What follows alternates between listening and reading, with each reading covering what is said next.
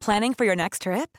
Elevate your travel style with Quince. Quince has all the jet setting essentials you'll want for your next getaway, like European linen, premium luggage options, buttery soft Italian leather bags, and so much more. And is all priced at 50 to 80% less than similar brands.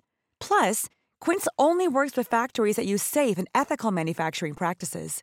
Pack your bags with high-quality essentials you'll be wearing for vacations to come with Quince. Go to quince.com/pack for free shipping and 365-day returns. Hey, it's Ryan Reynolds, and I'm here with Keith, co-star of my upcoming film, If, only in theaters May 17th. Do you want to tell people the big news? All right, I'll do it. Sign up now and you'll get unlimited for $15 a month in six months of Paramount Plus Essential Plan on us. Mintmobile.com slash switch. Upfront payment of $45 equivalent to $15 per month. Unlimited over 40 gigabytes per month. Face lower speeds. Videos at 480p. Active Mint customers by 531.24 get six months of Paramount Plus Essential Plan. Auto renews after six months. Offer ends May 31st, 2024. Separate Paramount Plus registration required. Terms and conditions apply if rated PG. Hur som helst så hade jag nog hellre inte dött av valsperma än att dö i det. Ja, det är två mot en här alltså. Va? Ja, jag får se om vi besegrar. Hej allihopa och välkomna till Killrådet, den enda podden i Sverige som är nominerade till Aftonbladets pris Svenska hjältar. Jag heter Anders Löv och jag sitter här med två av Sveriges modigaste killar. Andreas Lillen Lillhannes och Andreas Granis Granfors. Hur är läget grabbar? Jag känner mig lite sliten från midsommar fortfarande. Fortfarande bakis? Mm. Eh, inte bakis som eh, liksom ont i huvudet och sådär, men trött. Alltså jag, jag har inte hämtat mig riktigt. Nej, det är fan plus en på den alltså. Mm. Det är re rejält slitage, kropp och själ. Det var länge sedan jag var så full som jag var på midsommar. Berätta. Nej, jag var bara helt hjärnskadad full. var det obehagligt? Nej, aldrig obehaglig. Bara liksom så här slirig liksom. Jag tror jag drack en och en halv flaska snaps. Men däckade du? För du sa väl här ganska nyligen att du aldrig hade däckat? Eh, däckade inte. Eh, däremot enorma minnesluckor som kan ha hänt. det kan ha blivit en nap här och var. Ja, kanske. Men det blev lite så fel för att vi var fyra killar totalt och så höll vi på att köpa så här, snacka innan. Så här, vilken snaps ska vi ha? Bara, vi måste ha den här den här. Och till slut med att vi köpte en varsin. Och det var lite mycket kanske, så här i efterhand. Men eh, det var kul. Alltså, jag tror vi hade tre flaskor snaps på åtta killar och vi hade en halv flaska kvar dagen efter. Vi hade inte mycket kvar där. Fredag 23.00, då var det slut. Vi är mycket vuxnare nu. Ja, kanske. Det är skönt att det inte är på ett år.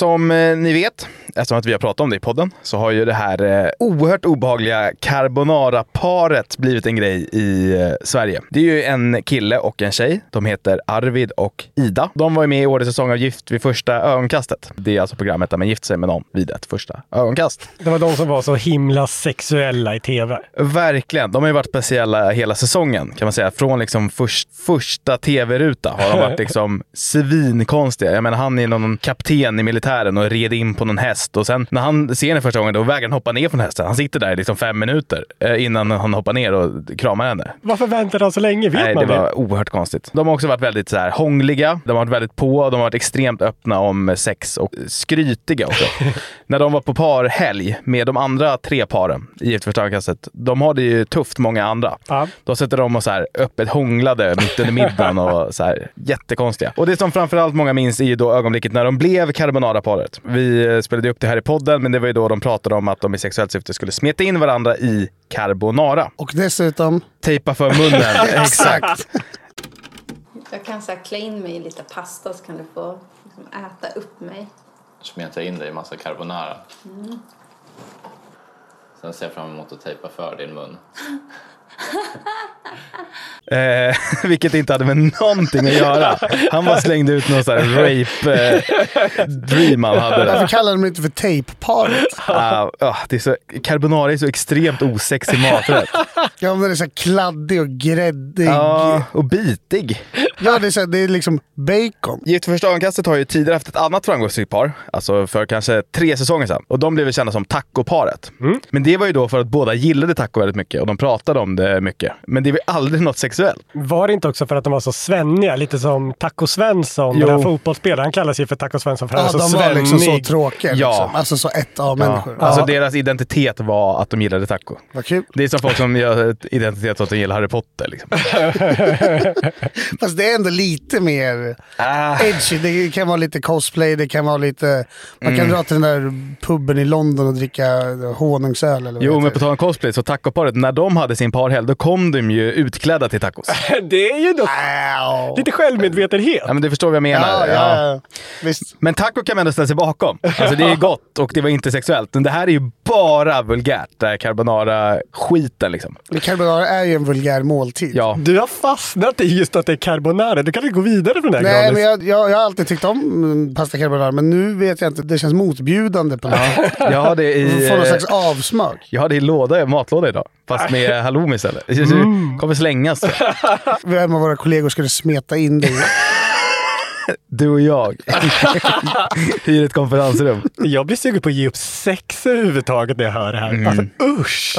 Vi andra kanske skulle äta upp carbonara, men du, du ger upp sexet där då. Carbonara-paret har, och det jag ska säga nu är en, eh, en spoiler. Så om man inte har sett klart hela säsongen, liksom, Men när det här sänds måste man fan Ja, ha sett ja, klart. då har det gått en vecka. Ja, Eh, De har fått barn nu och detta fick man se i det här sista Det hände sen-avsnittet. Och det är bland det obehagligaste jag varit med om, själva liksom, eh, förlossningen. Visar de förlossningen? De visade en del av förlossningen, ja. Från hans Ja, point of view. Han hade så här POV-kamera i Ja. pannan. Vadå, han stod alltså vid fötterna under förlossningen, om man ska eh, säga. hon eh, hade akut kejsarsnitt. Så det är ett skynke. Förlossningen var tydligen jättejobbig och henne klandrar jag absolut ingenting för. Alltså, Nej. hon har gjort allt rätt. Hon är en jävla krigare som gjorde det här. Men han ska spela upp hur han lät. Och det här är alltså det absoluta ögonblicket när barnet är framme. Alltså det är första gången de ser barnet. Nu är den här älskling. Nu är den på gång älskling. Den andas. Kolla! Där är den. Kolla! Det var en liten rakel. Det var en liten, det var en liten rakel. Det var en rakelspektakel. Det var en rakel spektakel, säger han. Monotom. Men är inte det där den rösten han har haft hela tiden? Jo. Jag tänkte att nu blir du ändå pappa. Nu kanske någonting kan hända med ditt röstläge. Men nej. Det kanske en tår kan långsamt trilla ner. Glöm det. Men att ha sinnesnärvaro och säga att det blev en liten rakelspektakel. Det här var. det är något i hästväg när det kommer till konstigt. Men Men det är topp ett tråkigt sagt. Ja, det är det. Det är, inget, det är inget liksom edgy rim han kommer med. Kunde man ana sig till att han fanns en liten besvikelse över att det inte var en son? Ja, det kanske är det som gör att han... eh, Ja, jag vet inte. De kanske visste i förväg. Det jag vet är att han kommer vara världens mest överbeskyddande pappa. Det här var lite anmärkningsvärt, men det är ändå inte någonting med vad som hände innan förlossningen. För det var en ännu konstigare grej som hände då. De höll ju graviditeten hemlig för omvärlden i och med att eh, liksom, de var tvungna att vänta in förra veckans Det hände sen-avsnitt. Men nu har de ju släppt bilder och sådär från allting som hände under graviditeten. Och det är en grej som verkligen fick mig att liksom tappa hakan. Det är vanligt med graviditetsfoton. Ni vet, när kvinnan står där med magen och är oftast naken och, och sådär. Eh, ibland är killen med och typ Håller om. Typ. Ja, precis. Jag tycker att det är ganska fint med de här bilderna. Men man gör väl det här för att hylla kvinnans kropp. Antar jag. Att den går igenom stora förändringar och att den är cool och sådär. Absolut. Men vad gör då Arvid? Han står också spritt språngande naken. Lillen har alltså en dator med sig. Nu får jag nästan be dig att vända på skärmen så jag får se. Ja men för helvete. Granis, du kanske kan beskriva vad du ser? Det vi ser är kvinnan i fråga står med magen i all sin prakt och håller sig för brösten. Och Arvid är där spritt jävla språngande och pussar på magen. Och på bild nummer två så står båda två bakom ett träd och gör någon slags tittutlösning. Kan det inte vara att det ser konstigt ut om han står där i jeans och tisha och hon är spritt språngande? Ja, men så hade det varit kanske att han hade kläder och kanske en uppknäppt skjorta. Jag vet, det känns så himla bara... Ja, det kan se lite casual ut i alla fall. Ja, men nu ser han liksom ut som Neck nacken. Ja, det är faktiskt riktigt obehagligt men det, där, det är något grönska där som döljer liksom könet också. Ja, och det är liksom så oerhört porrigt i den här situationen som inte ska vara porrig. Nej exakt, bara för att det är en naken kropp så måste man liksom inte sexualisera den. Men hade man kommit undan med det här om de inte varit så sexuella innan? Är inte det bara att hans kropp känns otroligt sexuellt laddad? Nej, Alltså jag vet inte. Tjejer gillar inte ens när en man säger vi är gravida. Vad fan tycker de då om det här? Att han liksom så här, ja vad fint att du är gravid men har du sett den här kroppen då? Det kan ju inte vara okej, eller? Nej, han kliver väldigt mycket in på hennes arena. Det är hennes fina stund. Är det här någonting jag måste göra? Då, då, då blir det inga barn. då blir det ingen Lill-Hannes unge. Nej. Nej, det var bara någonting jag noterade som har gjort mig äcklad. Tror ni att vi har sett det sista av dem? Nej. Jag eh, ska avslöja att de har skapat en eh, Instagram till eh, sin lilla familj, som de heter. Heter den Rakel-spektakel? Nej, den heter starkare.familj. Deras bio är Arvida. De har kommit Alltså på ett nickname. fy fan, va? Och så står det ett brinnande hjärta, starkare familj, en pasta-emoji, carbonara-paret, en stjärnemoji, från bröllop till vardag och fler äventyr och sen en bebis-emoji följt av Rakel. Är det världens längsta bio? Den är fyra rader och eh, det här är sista gången jag är inne på den här profilen. det tror inte jag på. Nej, det, det är det garanterat inte. Ja, det här är en jävligt speciell grej. För jag har en kompis som, vi ska inte nämna några namn kan inte säga vart detta utspelade sig ifall personen i historien känner sig utpekad. Men för ungefär 10-11 år sedan så var min kompis... Vänta, vänta, vänta, vänta, vänta. Är det 10-11 år sedan så kan jag outa det? Nej, jag, jag vet inte vad hon heter ändå. Ah, Okej. Anyway, för typ 10-11 år sedan så var min killkompis och hälsade på en tjejkompis till oss, en gemensam, i en stad i södra Sverige. där tjejkompisen i fråga studerade. Och på kvällen sen så går de ut och då sätter tjejkompisen upp killkompisen med en tjej som hon känner. Allt flyter på bra, de fattar tycke för varandra och de går hem och påbörjar ett samlag. Men rätt vad det är, det jag antar att de börjar få upp någon slags tempo, så tuppar hon av. Min kompis då ser hur hon slutar andas och liksom bara ögonen rullar bak i huvudet på henne. Jävlar och han tänker, vad fan är det som sker? Och så efter tre sekunder så hör man liksom så här. När hon tar ett djupt andetag så säger hon, ah, fortsätt. Och då säger han, nej, vi ska nog pausa lite. Vad är det som har skett här? Då pe- eh, pe- pekar hon på ett R under sitt ena bröst, ja, vänstra bröst antar jag. Och säger, ser du det här? Det här är ett R från en pacemaker. Nej. Den lägger av ibland. Va? Så hon har alltså dött under typ 3-4 sekunder. Men är inte hela syftet med en pacemaker att de inte ska dö ibland? Alltså, jo, det- men, jo, men alltså, han förklarade det där, men vi hade druckit en del. Och han hade ju googlat på, ganska mycket på pacemaker efteråt. Och tydligen så är det så att den ersätter inte på något sätt hjärtat, utan den hjälper ju då hjärtat om hjärtat har någon vajsing med sig. Ah. Det tar väl kanske någon sekund då innan pacemakern reagerar på att hjärtat går över ett slag. Jaha, så den liksom hjärtat pumpar på som vanligt och sen som det lägger av så det och då drar den igång. Exakt. Det är inte hela tiden. Så förstod jag det när han förklarade det. Men vi var fulla som sagt, så har jag fel så tar jag höjd för detta. Men eh, och hon var liksom ganska casual med det där. Och bara, ja, ja, vad fan, men sånt där händer ju. Och han var liksom så här, jaha. Men han ville vara en good sport så han fortsatte men han sa att han kände ju liksom ingen njutning. Han var ju i någon slags chock. Han knullar ihjäl henne. Ja, på vårt ograbbiga sätt som vi pratar på så sa vi det att du har ju pippat ihjäl en brud liksom. Jo, men sen så tvingade ju hon honom att fortsätta ligga med henne, så det är också ett litet övergrepp. Ja, tvingade, hon sa jag vill fortsätta och då ställde väl han upp. Men vaknar hon liksom, är, är hon kvar i samma liksom Mode. upphetsningsmode? Han var ju inte det. Nej, Han hade liksom haft penis i ett lik i fyra sekunder. Han blev ju nekrofil! Om detta skojades ganska rejält i anslutning till att han berättade jag historien. tror att han inte blev en nekrofil. Om han däremot kom av att hon dog i ren liksom så här. Åh nej! Kan du dö igen? Att helt plötsligt upptäcka den fetischen på det sättet kan ju förändra en människa. Jag, vet, jag tyckte det var extremt anmärkningsvärt och jag har aldrig hört något liknande. Men finns det andra, man får väl ändå säga att sex är ett njutningsfullt sätt att dö. Då har man ju de facto knullat ihjäl sig själv. Absolut. Vad är liksom, skulle man vilja äta ihjäl sig?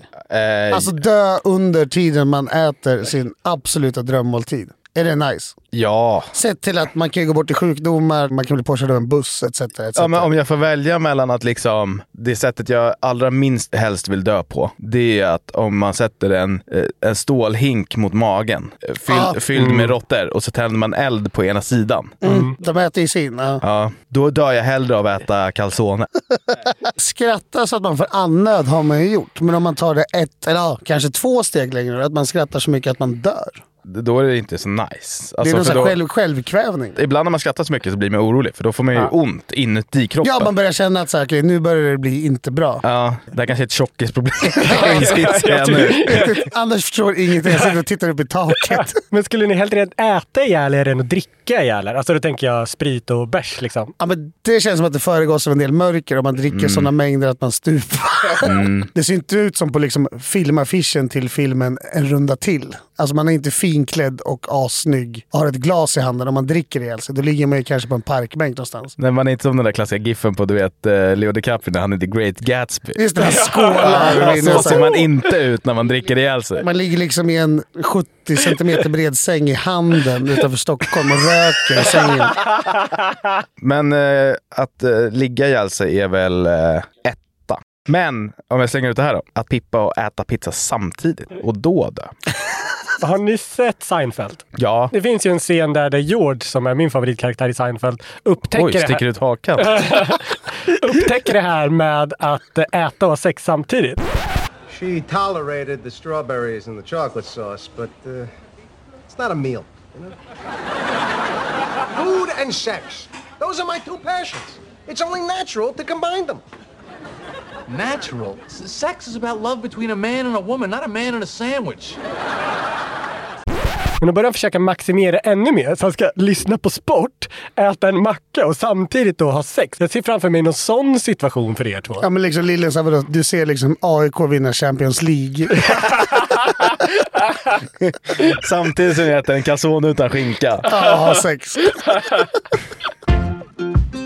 This is the fucking Champions League. Ska vi ta och kolla ut lite i världen om det finns någon som kanske behöver vår hjälp? Har ni läst något? Hört något? Sett något? Mm, behövde inte titta så långt för att se liksom, eh, Sveriges största nyhet förra veckan, vilket var det fruktansvärda som hände på Gröna Lund. Det har ju generellt varit ganska olika dagar, eller veckor får man säga, ute på Djurgården här i Stockholm. Jag hatar ju att jag gillar det, men jag gillar ju att strosa runt där ute på Djurgården. Går ofta promenader på hösten när löven faller och sådär. Det är tyvärr, ska man säga, väldigt fint. Fruktansvärt fint. Men eh, det var ju liksom eh, helt eh, bedrövliga scener där när folk gick i godan ro utanför den oerhört dyra restaurangen Ulla Vinblad. När fem hästar, som någon hade liksom knutit fast utanför restaurangen, tog sig loss och gjorde kaos med hela Djurgården.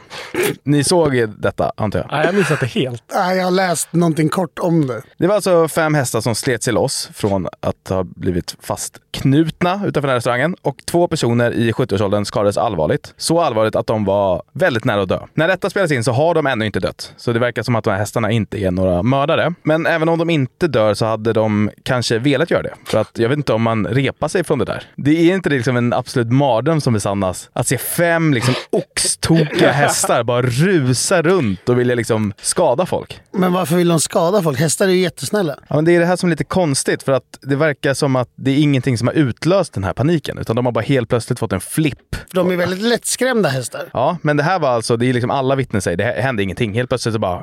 Sen är det väl också lite så, väldigt så 1800-talskt, eller kanske ännu äldre, att ta hästen till restaurangen. Det har inte jag sett. Alltså, jag- det gör de i Bröderna Lejonhjärta när de rider sina Gyllene Tuppen eller vad fan det heter. Annars har man fan inte sett. De har ju till och med ett hästgarage i den filmen. Men de här hästarna var knutna runt en påle. vänta, vänta, vänta. Tror du att stall heter hästgarage?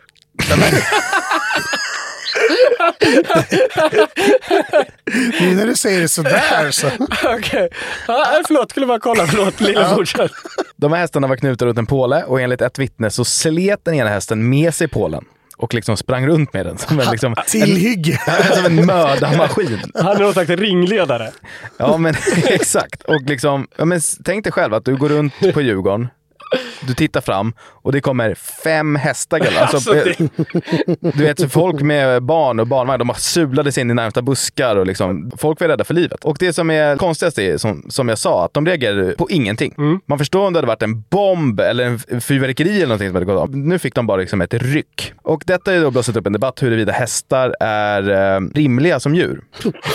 eller om man liksom behöver göra någonting. Och eh, komikern Jonathan Unge skrev en kolumn om detta i Aftonbladet Mm. som har blivit oerhört debatterat. För att hästfolk är ju lite speciella. De älskar ju hästar. Ja, men hästmänniskor är så otroligt lättkränkta, men de är också väldigt organiserade. Det är därför de vinner det här Jerringpriset va, varje år. De är extremt många va? Det finns inga som gillar någonting så mycket som hästmänniskor gillar hästar. Och att försvara hästar. Precis, och därför blev det ju debatt av detta. Jonathan Unges kolumn, där han skrev att typ alla hästar borde avlivas. Det blev debatt! Riktigt så ska man inte. Han skrev eh, så här. Det enda som är bra med den tragedi som utspelar sig på Djurgården är att den förhoppningsvis får folk att inse vilket fullständigt livsfarligt djur hästen är och att den bör förbjudas. Han skriver sen också så här, jag vet inte om det här är sant, men han skriver i alla fall. För ett tag sedan skenade en häst på en finsk travbana. Den unga kusken släpades med, men vägrade släppa taget av den anledningen att om han hade gjort så hade det där psykot till djur antagligen hoppat upp på läktaren och sparkat ihjäl jag vet inte hur många i publiken. Springer upp för ståplatsläktaren och bara börjar sparka bakut. Så 60 döda. Till någon förskoleklass. bara, Nu jävlar! Men de går ju inte att stoppa hästar. De är så enormt stora och tunga och Ja, starka. men är inte det ett stort problem för människan att vi har tämjt dem? Man ska väl inte hantera djur som är fysiskt starkare än Nej. dig själv? Typ en katt. Det borde ju vara en regel att inte får köpa eller ha ett husdjur som du inte kan brotta ner. Och kanske att man får göra något test emot husdjuret innan du får köpa. Svårt om man köper en valp dock. Lätt att vinna. Men eh, ja, den här mardrömmen som besannades var ändå ingenting jämfört med vad personerna i ubåten som sjönk vid Titanic kan ha råkat ut för. Åtminstone enligt en person på Flashback. Alla har hängt med i ubåten som försvann vid Titanic. Fem personer dog. Miljardärer. Jättesynd om dem. Men Flashback är ju speciellt. Och så fort någonting händer så blir ju alla liksom extrema experter i det ämnet. Förra veckan var ju varenda man i Sverige expert på ubåtar och vattentryck och sånt. Sen så kunde alla allt om Wagnergruppen och situationen i Ryssland. Nu är alla experter på berg och dalbanor. Och betong och liksom bultar och sånt där. Flashback är verkligen högt och lågt. Men det var en person som hade en teori om vad som hände med den här ubåten som fan var helt otrolig. Even when we're on a budget, we still deserve nice things. Quince is a place to scoop up stunning high-end goods for 50 to 80% less than similar brands. They have buttery soft cashmere sweaters starting at $50, luxurious Italian leather bags, and so much more. Plus, Quince only works with factories that use safe, ethical, and responsible manufacturing. Get the high-end goods you'll love without the high price tag with Quince. Go to quince.com slash style for free shipping and 365-day returns. Millions of people have lost weight with personalized plans from Noom, like Evan, who can't stand salads and still lost 50 pounds. Salads, generally, for most people, are the easy button, right? For me, that wasn't an option. I never really was a salad guy. That's just not who I am. But Noom worked for me. Get your personalized plan today at Noom.com. Real Noom user compensated to provide their story. In four weeks, the typical Noom user can expect to lose one to two pounds per week. Individual results may vary. Vi är som vanligt sponsor av våra vänner borta på Hyper och det är minst sagt glada dagar för Killrådet och alla som ryggar våra tripplar. Det är så att vi släpper ett speltips varje vecka och i helgen så blev det vinst för andra veckan i rad. ROIn, som det så fint heter i bettingspråk, alltså pengar in gentemot pengar ut, ser riktigt jäkla bra ut. Viktigt dock att poängtera att jag är ingen expert. Man ska därför aldrig spela för pengar som man inte har råd att förlora. Och betting, det ska alltid vara något roligt. Med det sagt så siktar vi på kaffe, kaka, tredje raka i helgen när Premier Leagues sista omgång spelas. Där tror jag att Newcastle vinner bort mot Brentford. I matchen mellan Brighton och Manchester United så tror jag att den går över 2,5 mål och att båda lagen gör mål. Och så tror jag att Barcelona vinner med minst 1,5 mål hemma mot Rayo Vallecano. Hyper boostar upp det oddset till hela sju gånger pengarna. I avsnittbeskrivningen så finns en länk så att du kommer direkt till kupongen. Glöm inte bort att du måste vara 18 år för att spela. Regler och villkor gäller. Upplever du problem med ditt spelande, då finns alltid stödlinjen. Vi säger stort tack till våra bästa vänner borta på Hyper. Rolig. Det är användaren Johan Underline 08 som alltså helt oironiskt lanserar följande take om vad som kan ha hänt med ubåten som försvann. Jag har en teori, börjar han. En blåval kan bli 30 meter lång och är ganska gigantisk samtidigt som Titan, som ubåten hette, kanske ser lockande ut för valen och den har då velat para sig. En blåvalsnopp kan bli gigantisk och med denna så har han knullat sönder glaset. Då har det antingen läckt in vatten och den drunknade, eller så fastnade valsnoppen och tätade igen hålet. Eftersom att det är sånt tryck och det blir en tryckskillnad så sugs penisen in. Tätar hålet, men samtidigt så suger tryckskillnaden ut all valspermie. Det kan vara upp till 1500 liter sperma. Och de drunknar således i sperma.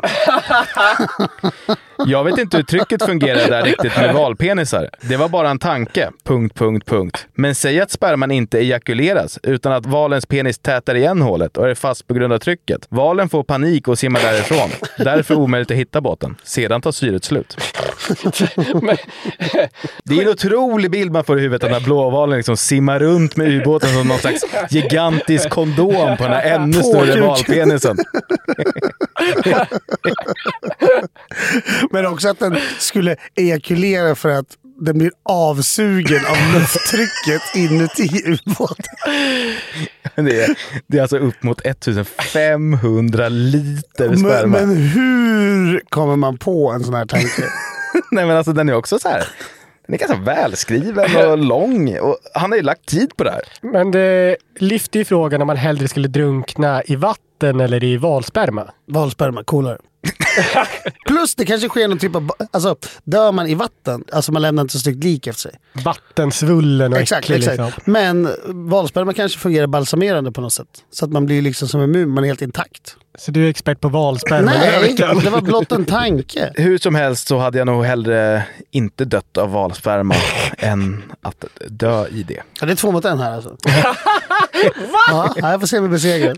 Eh, på tal om Flashback så har jag hängt där mycket nu efter Gröna Lund-olyckan. Den så oerhört tragiska olyckan där en kvinna eh, gick bort. Vid inspelningstidpunkt åtminstone Mm. är det det dödsfallet som finns. Det här har känts så himla nära på ett sätt. Alltså, jag bor väldigt nära. Min syrra, hennes barn var där någon dag innan och det känns obehagligt allt med det här. Jag tror att det känns obehagligt för nästan alla i Sverige och, och speciellt Stockholm eftersom att det just är så nära med, med Gröna Lund och allting. Så det är klart att eh, man blir drabbad. Verkligen, men jag har nog plöjt 300 sidor på Flashback om det här för att jag har liksom varit så oerhört intresserad av det. Vill ni gissa lite liksom, var diskussionen har hamnat? Om vems fel detta är? Invandrarnas. Invandrare är nummer ett. men vad fan! Ja, men de lyckas alltid, vad man än läser så spinner de det till att hade vi inte haft stor invandring 2015 till 17 så hade det här aldrig hänt. Det är invandrarnas fel på så sätt att de är så stökiga, eh, vilket gör att personalen har tröttnat och därmed inte lika noggranna.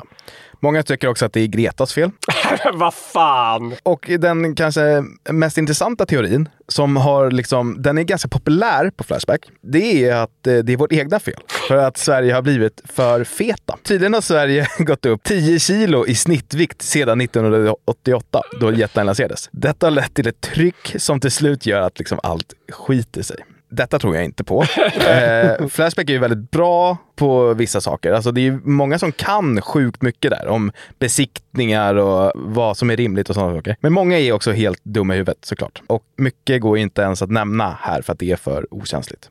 Men för att ge ett litet exempel då. Personen som har dött är en kvinna i 35-årsåldern. Hon är alltså född 1988. Det är samma år som Jetline lanserades på Gröna Lund.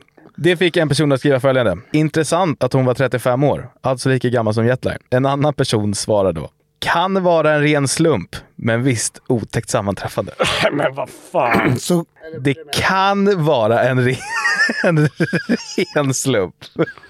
Väldigt tydligt här att det är Flashbackare som är dum i huvudet. Vi, vi skrattar inte åt den här otroliga tragedin. Nej, men det är klart att vi inte gör. Det är för mörkt alltså. Det är för mörkt. Och eh, vi lider såklart med alla inblandade. Jag har kommit över en studie, eller rättare sagt Aftonbladet har kommit över en studie om svenskars onanivanor. Det var professor Granfors i Ja, verkligen. Sexolog Granfors. Jag har runkat 24 gånger och nu ska jag berätta vad som hände. Jag kom 21. De andra tre var som han Arvid i Gift. Han väljer att inte komma. Jag sprang på en artikel i Aftonbladet om hur svenskars onanivanor ser ut. Och det är då Lelo, det här sexleksaksföretaget, som tillsammans med Kantar Sifo har frågat tusen personer från Sverige i åldrarna 18 till 79 om deras onanivanor. Och hur ofta tror ni att genomsnittssvensken onanerar? Två gånger i veckan. Oj, det var lite. Eh, Jag skulle säga fyra gånger i veckan. Ni har väl båda rätt för eh, 26 procent har svarat några gånger i veckan. Då är det 34 procent av männen har svarat några gånger i veckan och 16 procent av kvinnorna. Däremot har 35 procent av kvinnorna svarat att de gör några gånger i månaden. Men 18 procent av männen har svarat att de gör några gånger i månaden. Hur mår de männen? Som bara onanerar några gånger i månaden. Jag tror de mår mycket bättre än vad genomsnittlig person i den här podden gör. Det är väl ganska låg ribba för just detta. 8 procent av svenskarna onanerar aldrig. Man måste väl också tänka att det finns ett litet mörkertal här för att vissa tycker att det är pinsamt att svara på frågor om. Även om man är anonym typ. Men är det inte mer pinsamt att svara att man aldrig onanerar än att man gör det, Det beror ibland? på i vilken kontext man befinner sig tror jag. Sen var också de äldsta var ju då, och det var alltså upp till 79 år. Så vissa kanske har liksom gått över krönet. Ja, fast dementa, de fan älskar onanera. Jo men det kanske kommer, man kanske får någon slags revival då. När du... Men vissa kanske inte kan heller. Exakt. Vart i Sverige har man testat analsex med en annan person och gillar det i högst utsträckning tror ni? Birger Jarlsgatan 48. Vi sitter på 43. Vilka sitter på 48? Arne Hägerfors bor väl. I norra Sverige, där har 28 procent testat analsex med en annan person och tyckt om det. Hur många har testat det och inte tyckt om det? Är det resterande? Ja, det var som att komma 72. 72 procent. Det här är en ganska konstig fråga. Vilken tid på året är vi som kåtast? Det borde ju vara på sommaren. Lägst procent har svarat under halloween och vid skatteåterbäringen med en procent vardera. Och på skatteåterbäringen, då är det 2 procent av männen har svarat att de är som allra kåtast på året. Medan 0 procent av kvinnorna har svarat. Ja men det köper jag ändå. Man får pengar, det är lite skjuts i kroppen. Det är väl oftast vår kanske också. Ja det är det. Jag skulle säga att jag är som kåtast under skatteåterbäringstiden. 36 procent har svarat på semestern. Så Mm. sommaren är väl rimligt att anta. Vid årets första dag med snö har också 1 procent svarat.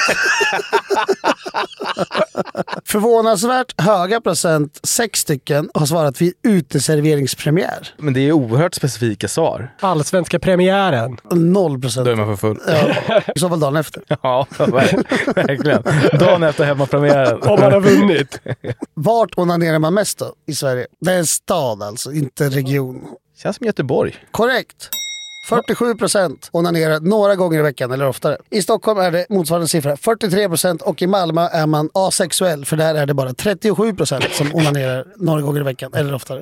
1 procent fantiserar om sitt jobb när de onanerar. Vänta, om att utföra sitt eget, inte att ligga med någon på jobbet utan själva jobbet. Sitta och mejla. Ett alternativ var kollega och det tänker 8 procent på. Ja. Och det känns väl fair. Men jobb, Man kanske har ett sexigt jobb. vilket yrke skulle det vara?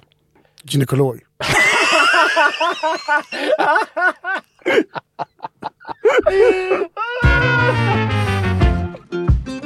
Hörni, nu har det blivit dags för mitt favoritsegment i den här podden när vi får svara på era fantastiskt smarta, dumma och intressanta frågor. Den första frågan kommer från eh, Anders och eh, den är så här. Hur gör jag slut med min farmor? Flytta från Vetlanda eller vart fan det är.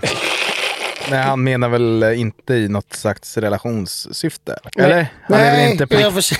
det känns mer fair. Du trodde att, han- att de var ihop? Ja. Ovanlig öppenhet. Det beror på hur länge de har varit ihop. Ska jag skicka ett sms eller måste det face to face? Nej, men vi antar väl att det här är en person som har en relation med sin farmor, en vanlig relation med sin farmor och inte vill ha den relationen längre. Har du varit med om någon liknande någon gång, Granis? Nej. Säg att eh, den här relationen ger inte mig någonting längre. Så tyvärr så... Jag tar gärna arvet sen.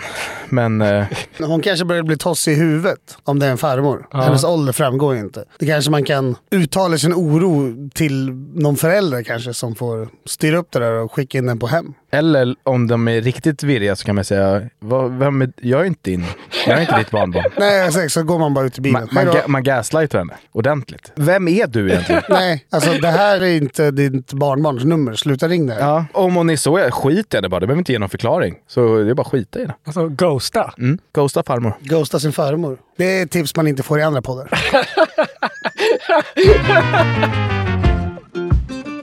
Krille undrar, hur går jag ner i vikt och samtidigt behålla någon glädje i livet? Det går inte. Det går inte att hitta den balansen. Det är visst. Jag har haft ett jävla kanonår skulle jag säga och jag har gått ner sju kilo. Nu efter midsommarhelgen är det nog mer fem kilo jag har gått ner kanske. Men ändå. Ja, men du jojo och bantar ju på ett sätt som är helt liksom... eh, Det är sunt.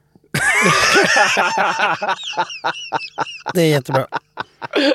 Det är från månad till månad. Det är det är tvåsiffrigt ner och sen tvåsiffrigt upp. Sen jag gick ner under tvåsiffrigt i år har jag inte kommit tillbaka. Du visade ju upp en bild precis innan podden började på någon slags midsommarbild. Hur länge sedan var det? Det är 2011. Då vägde jag 20 kilo mindre än vad jag gör nu och sa jag ska inte gå upp ett gram till. Men har du varit lycklig? Har du haft glädje i livet sedan 2011? Ja, måttfullt. Men berätta då, för jag håller med Krille om att det är svårt att gå ner i vikt men fortsätta vara glad i livet. Målet är ju att vara extremt hård mot sig själv under veckodagarna och då äta inte så mycket. När man väl äter, ät nyttigt som fan och rör på dig så mycket kroppen bara håller. Och sen får man hålla tummarna för att man går upp så lite som möjligt under helgen när man dricker och äter. Ett tips är att om man blir inte så full på fredagen så kan man gå ut och jogga på lördagen också innan man börjar supa igen. Så här 5-2-metoden fast mer att du super på helgerna. Ja, kanske. Om det är det som är 5-2-metoden så absolut. Det är Det här är då en hemmasnickrad diet av mig själv. 5-2 är att man äter fem dagar i veckan och två dagar så fastar man helt. Men du äter fem dagar i veckan och sen svinar det två dagar. Ja, Det är någon slags superomvänd 5-2 Nej, men där har du Krille. Facit. Min pappa kommenterar min tjej i morgonrock och säger saker som sexy eller oj vad fin. Är det okej? Från Anonym. Nej. Vad är det för farsa? Alltså, farsor som är sköna så här är väl en sak, men det där är bara... Nej, det börjar tassa in på något annat som... Men var är gränsen? Kan den säga oj vad fin? Inte om personen i fråga kommer ut i morgonrock.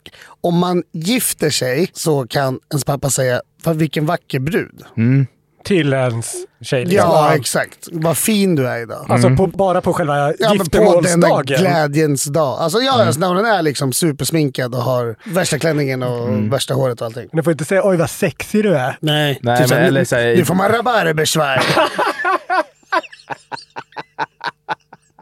Men eh, det, jag förstår också att det är ganska jobbigt samtal att ha med farsan. Så här, farsan, fan kan du sluta kåta upp dig på min brud eller? Så man sätter sig ner med farsan och tar det snacket bara. Du kan ju också kasta din brud under bussen och säga hon tycker att det är skitjobbigt när du säger så här, sluta med det. ja, för det får ju förhoppningsvis ännu starkare effekt. Kan det vara hennes fel?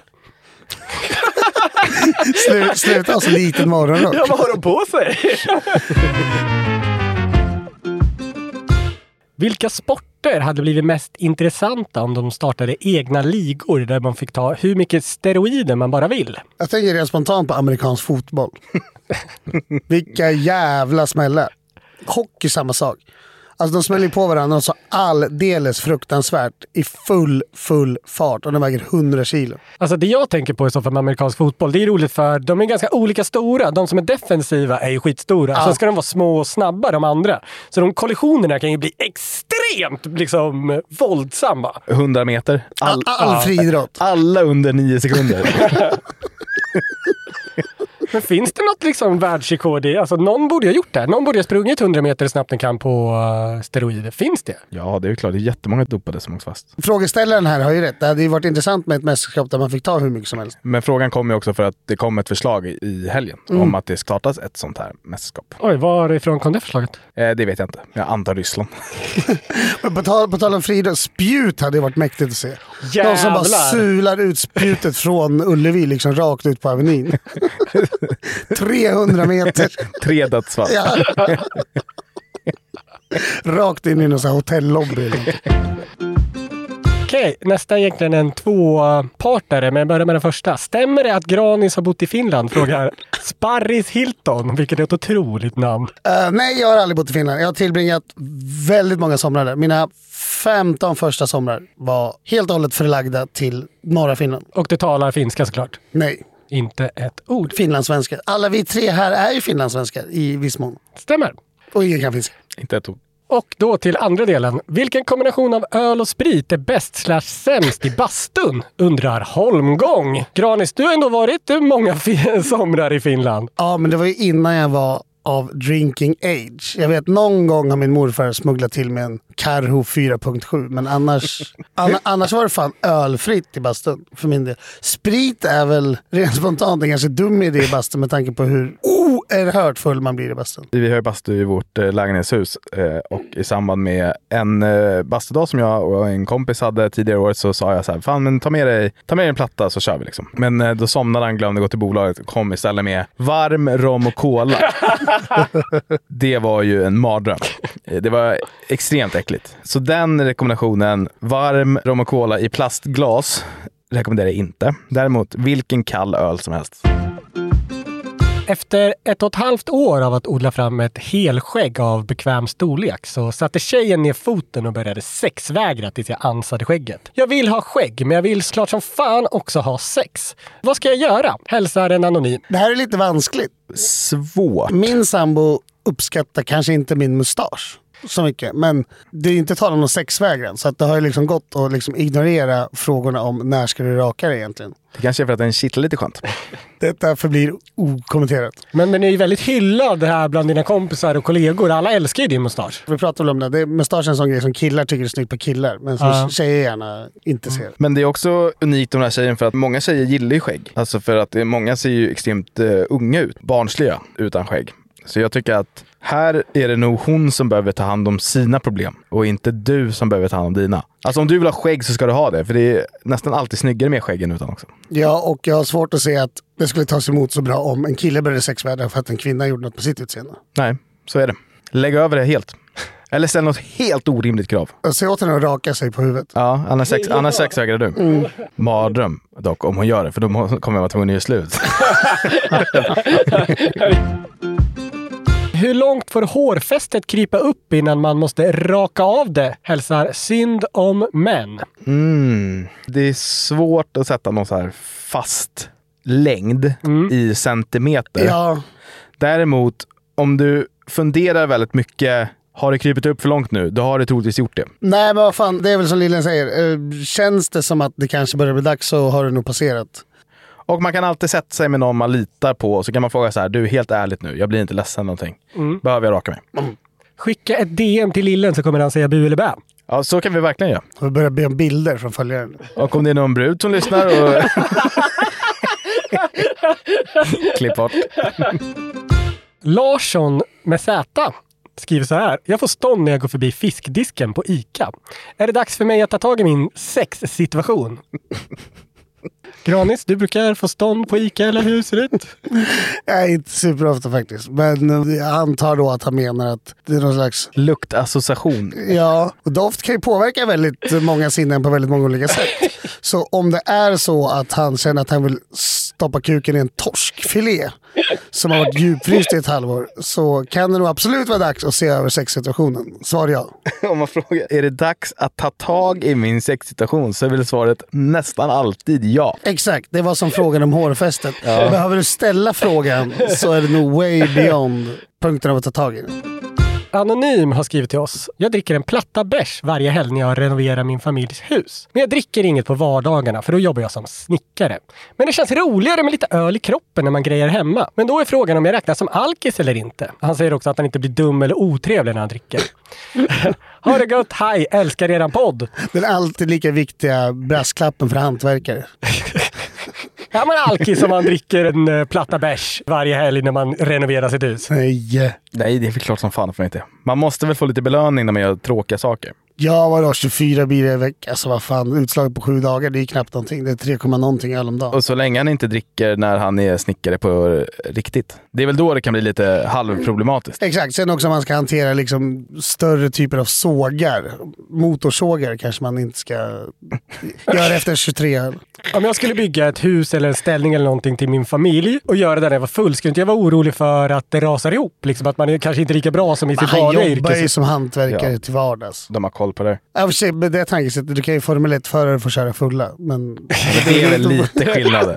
Alltså så här, han dricker en platta, han kanske börjar på fredag kväll, lite smått. Ta sex öl. Ja, då är det liksom nio öl utspritt över en hel lördag med han snickrar lite. Mm. Jag ser inte problemet. Jag dricker ju en platta öl och gör ingenting. det är väl värre. Ja, han gör ju något nyttigt också. Ja, Ja, verkligen. exakt, annars kanske inte blir någon renovering. Om man känner att det blir problem sen när han inte längre renoverar utan bara fortsätter liksom gå igenom varje lördag söndag med nio bira. Och det kan bli sådär, du vet, eh, som man tar en öl så blir man sugen på en cigg. Att om man börjar så spika in en spik, då blir han sugen på en öl. Knepig situation på jobbet. Peter, vi har renoverat färdigt för två år sedan. Håll käften! Okej hörni, då tänkte jag det är dags för den eh, sista frågan. Den är från Glenn. Fisa varje gång ni kommer, eller komma varje gång ni fiser. Eh, fisa varje gång man kommer tror jag. Men det blir också en riktig stämningsdöd. Bara börja fladdra varje gång. jo, men i någon typ av förhållande kan ju prata om. Men då blir det väl komma varje gång man fiser. Det blir många kom. Ja men vadå, det är väl bara härligt. Det är jobbigt om... Är inte med sig extra jarlingar bara. Extra kallingar och våtservetter så man är klar sen. Jobbigt om man får typ så här, man har fått en så här typ tackling på hockeyn eller fotbollen någon gång. Så, så att det har kommit en prutt.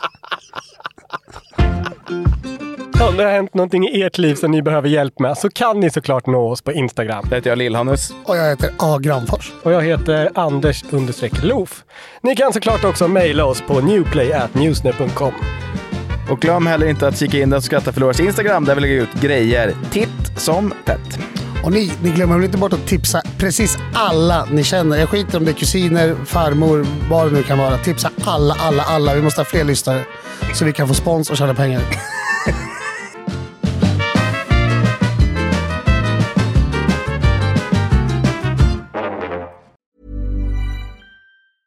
Hi, I'm Daniel, founder of Pretty Litter. Did you know cats tend to hide symptoms of sickness and pain? I learned this the hard way after losing my cat, Gingy. So I created Pretty Litter, a health monitoring litter that helps detect early signs of illness by changing colors, saving you money and potentially your cat's life. Pretty Litter is veterinarian developed, and it's the easiest way to keep tabs on your fur baby's health right at home. Go to prettylitter.com and use code ACAST for 20% off your first order and a free cat toy. Terms and conditions apply. See site for details. Even when we're on a budget, we still deserve nice things. Quince is a place to scoop up stunning high-end goods for 50 to 80% less than similar brands. They have buttery soft cashmere sweaters starting at $50, luxurious Italian leather bags, and so much more. Plus, Quince only works with factories that use safe, ethical, and responsible manufacturing. Get the high-end goods you'll love without the high price tag with Quince. Go to quince.com slash style for free shipping and 365-day returns.